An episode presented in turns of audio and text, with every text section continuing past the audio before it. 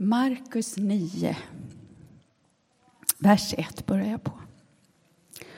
Och han sa, sannerligen, några av dem som står här ska inte möta döden förrän de har sett Guds rike komma med makt.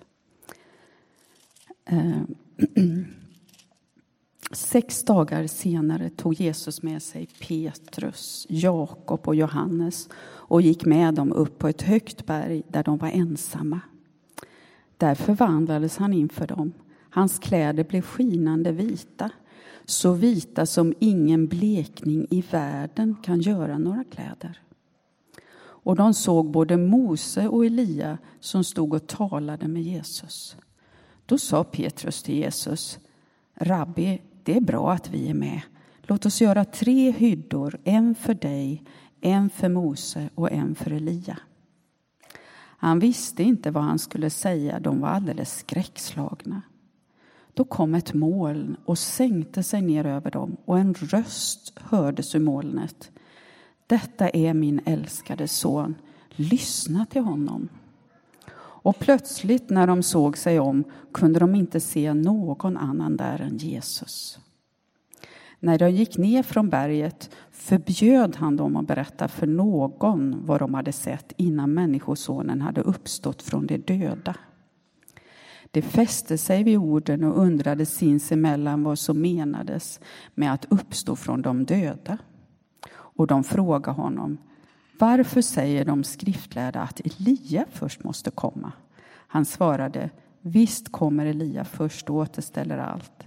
Men varför står det då skrivet att Människosonen ska lida mycket och bli föraktad? Jag säger er, Elia har redan kommit, men med honom gjorde de som de ville, som det står skrivet om honom. Så lyder det heliga evangeliet. Lovad vare du, Kristus. Det jag har fastnat för i den här texten det är orden Detta är min älskade son. Lyssna till honom. Kanske känner du igen de här orden från Jesu dop. Efter dopet, när han steg upp i vattnet, så öppnar sig himlen och han utrustas med den heliga anden.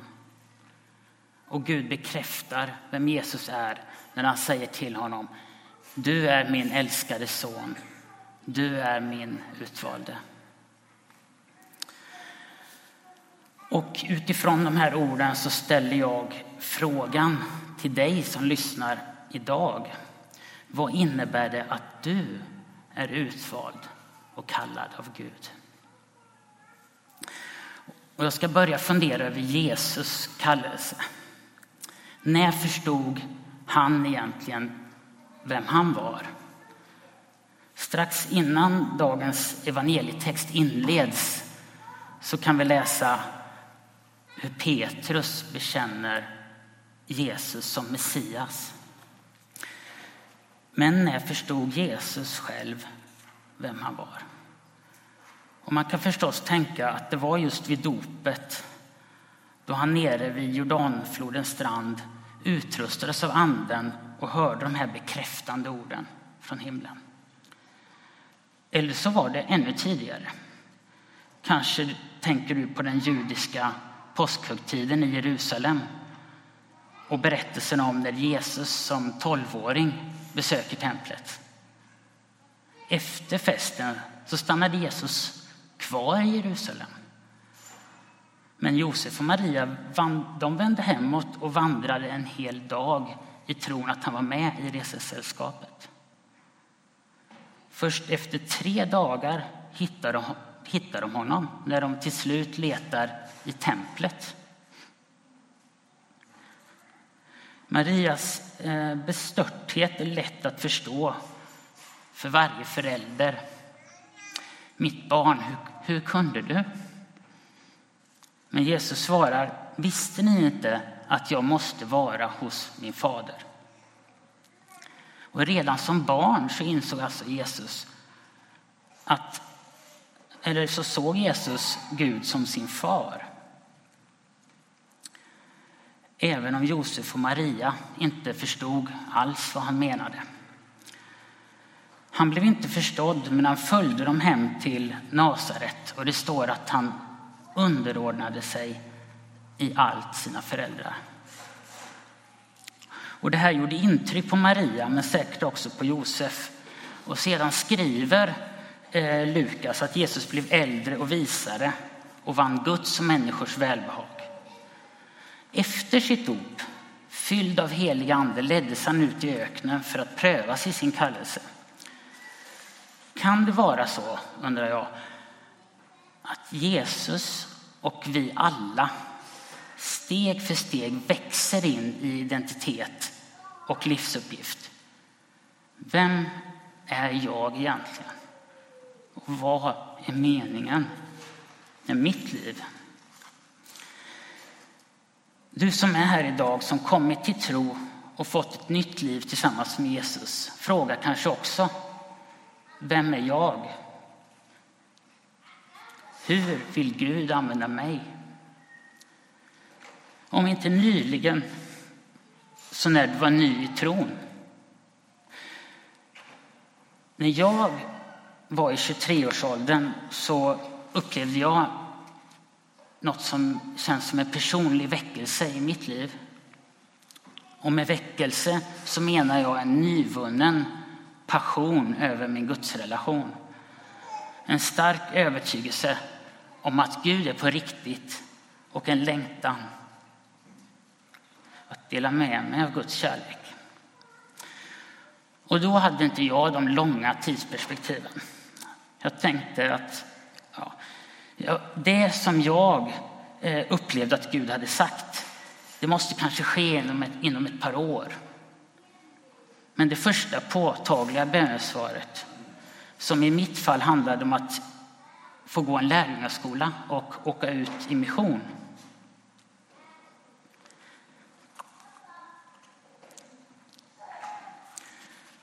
Det fick jag vänta drygt fem år på. Jag frågade mig hur ska Gud kunna uppfylla sina löften i mitt liv? Och när jag såg mitt livs omständigheter så hade jag svårt att se det. Och nästa stora händelse med mina ögonmått, det tog ytterligare lika många år. Och så har livet fortsatt. Det har gått upp och ner. Två steg fram och ett tillbaka. Och när jag efter utlandsmission 2010 flyttade hem från Rumänien så drabbades jag av en depression. Och då kände jag mig tillintetgjord. Jag minns att jag tänkte när tillvaron skakade. Hur kunde det gå så illa? Men även om jag under livets gång ofta har pendlat mellan hopp och förtvivlan, mellan framgång och misslyckanden, så har Gud varit trofast. Och jag har känt att han har bevarat mig nära sitt hjärta, även om jag har undrat hur säker jag varit på min tro eller på min frälsning.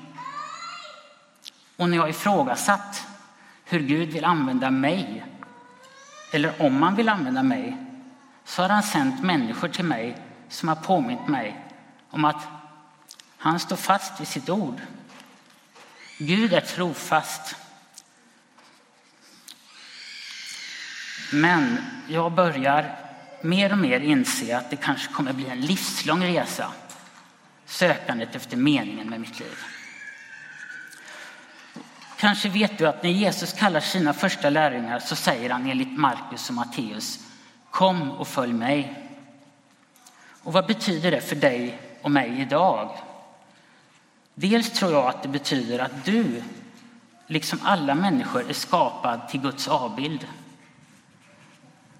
Vad tror du det säger om en människas värde? Att vara skapad till Guds avbild. Men sen vet varje människa att vi lever i den här trasiga världen vars invånare alla bär på skador och tillkortakommanden. Och där så riskerar du att missa syftet med ditt liv. Men Gud har en vision. Mitt nere i vår kraschade skapelse kan vi bli lika hans enda son. Genom att lära känna honom, genom att lära känna Jesus så har han gjort det möjligt genom att gå före oss i livet. Och jag tror att det är möjligt att gå i hans fotspår. Vilket är en livslång vandring med daglig omvändelse. Efter sitt dop och efter att han frestats i öknen kan vi läsa i Markus evangelium att Jesus förkunnade tiden är inne, Guds rike är nära. Omvänd er och tro på budskapet. Omvändelse är, vilket kanske inte så många tänker, en gåva. En gåva att dagligen få kalibrera sitt hjärta efter Guds ord och ta sikte på den sannaste av alla människor, Jesus Kristus. Att vi alla bär på skador, det blir också uppenbart när vi kommer varandra nära in på livet, tänker jag. Har du någon gång bott i ett kollektiv? Eller helt enkelt delat rum med ett syskon? Eller varit på ett längre konfirmandläger?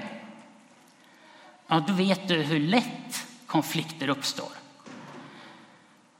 Men har du reflekterat över att Gud avsiktligt använder den här friktionen mellan människor eh, som uppstår när vi kommer nära varandra, att han använder den för att slipa oss.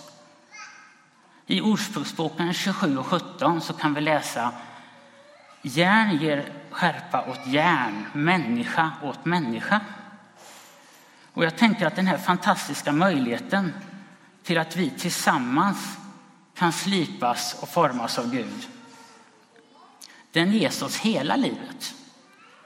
Så först i den nya skapelsen kommer vi vara helt totalt förvandlade så att vi helt utstrålar Jesus, fyllda av Guds kärlek.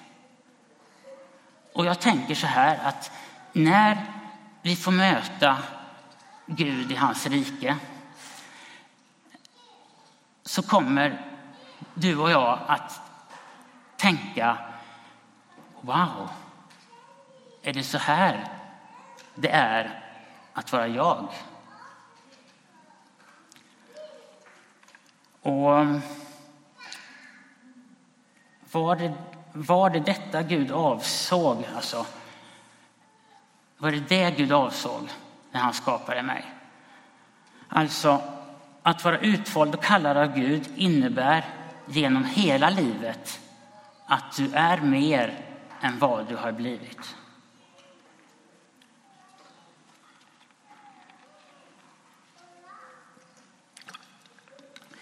Men varför? Varför vill Gud då använda mig?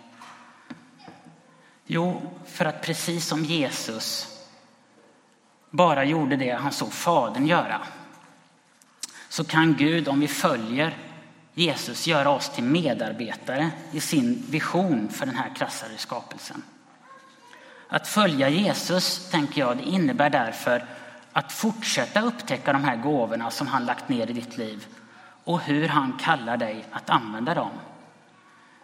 När Jesus kallar de första lärjungarna så säger han till dem Kom, jag ska göra er till människofiskare. Och jag tror att oavsett vad du har för yrke eller daglig sysselsättning så vill och kan Gud använda dig på ett unikt sätt för att visa människor kärlek och så dra dem till Jesus. Och där tänker jag att den lokala församlingen, Guds tanke är att den ska vara en god jordmån, ett växthus där vi kan få öva oss i det och få tränas till att få visa på Jesus på det sätt som passar mig och dig. Och eh, vara med alltså att forma den till en del av Guds rike. Och när Jesus prövades i öknen så frestades han att försöka använda Guds gåvor för sina egna syften. Alltså att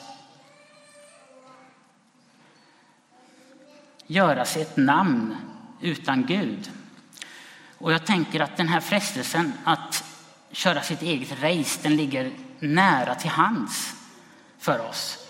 Och därför så tänker jag, använder jag och du vår yrkesroll eller det inflytande vi har bland våra vänner för att Guds rike ska byggas? Eller halkar vi in på andra mål som är vår agenda? Och jag tänker att en del med omvändelsens gåva är att vi får lägga ner de här grejerna vid korset och ta emot Guds helande förlåtelse. För att jag har erfarit att Gud har ett väldigt stort tålamod med oss. Och han tröttnar inte på att uppmuntra oss till att vara de vi är och att eh, använda de förmågor som vi har fått. Så i dagens evangelietext så befinner sig Jesus alltså uppe på det som kallas för härlighetens berg. Och eh, ja, jag vet inte riktigt var, vi vet inte säkert var det här berget ligger. Men eh, det finns en tradition som säger att det ligger ungefär en mil, en mil öster om Jerus, eh, Nasaret. Eh, en, eh, I ett berg som heter Tabor. Och den här gången då när Jesus är uppe på härlighetens berg, till skillnad från vid dopet, så riktas de här orden inte till Jesus utan till Petrus, Jakob och Johannes. Och efter Jesu uppståndelse så riktas de till alla som hör deras vittnesbörd. Och Gud säger därför även till dig, Jesus är min älskade son, lyssna på honom. Så att vara utvald och kallad till att följa Jesus, utvald till en viss uppgift, det innebär, tänker jag, framför allt att lyssna till Jesus. Och vad ska man då göra om man vill lyssna till Jesus? Jo, till att börja med så vet vi, det har ju skrivits ner en hel del. Vi har Nya testamentet, vi har fyra evangelier, vi har massa Jesusord som vi kan välja att läsa. Eh, och enligt Johannesevangeliet 6.45 så läser vi att Jesus själv säger var och en som har lyssnat till Fadern och lärt av honom kommer till mig. Och många människor hörde honom under de här tre åren som han vandrade på jorden. Han predikade och undervisade för alla de kvinnor och män som vi kan läsa följde honom. Och därtill var det många som säkert råkade höra honom när han kom till just deras by eller deras stad. Nya testamentets författare har ju lagt ner ett jättestort arbete. Det tror jag vi alla har förstått. Och eh, eh, så noga som möjligt så har de fastställt alla de här vittnesbörden om vad Jesus gjorde och sa. Och som ett exempel har vi evangelisten Lukas. Och jag ska läsa första raderna från Lukas evangeliet. Bara för att påminna oss om eh, hur det har gått till. Många av oss har redan sökt att ge en samlad skildring av de stora händelser som ägt rum ibland oss. Så som de har berättats för oss av dem som för första, från första stund var ögonvittnen och blev ordets tjänare. Och efter att grundligt ha satt mig in i allt ända från början har nu också jag beslutat att i rätt ordning skriva ner det för dig, ärade Teofilus, för att du ska förstå att de upplysningar du har fått är tillförlitliga. Så Bibelns texter kan hjälpa oss att lyssna till Jesus, till det han ville säga, både genom det han sa och det han gjorde. Så jag känner att vill jag på nytt lyssna till Jesus eller om det skulle vara för allra första gången. Så ta en bibel och läs exempelvis Markus evangelium.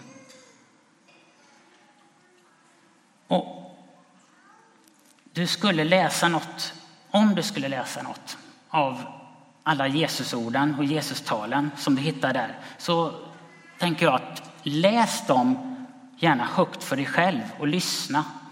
För när du läser och hör din egen röst så är det Jesus du lyssnar till. Men när du läser evangelierna så försök också att ta till dig att det du läser, både det han sa och det han gjorde. Det har konstaterats att Jesus var en fantastisk pedagog. Så läs och fundera och meditera över hans ord och handlingar. Be den heliga Ande att du ska få höra Jesus tala till dig.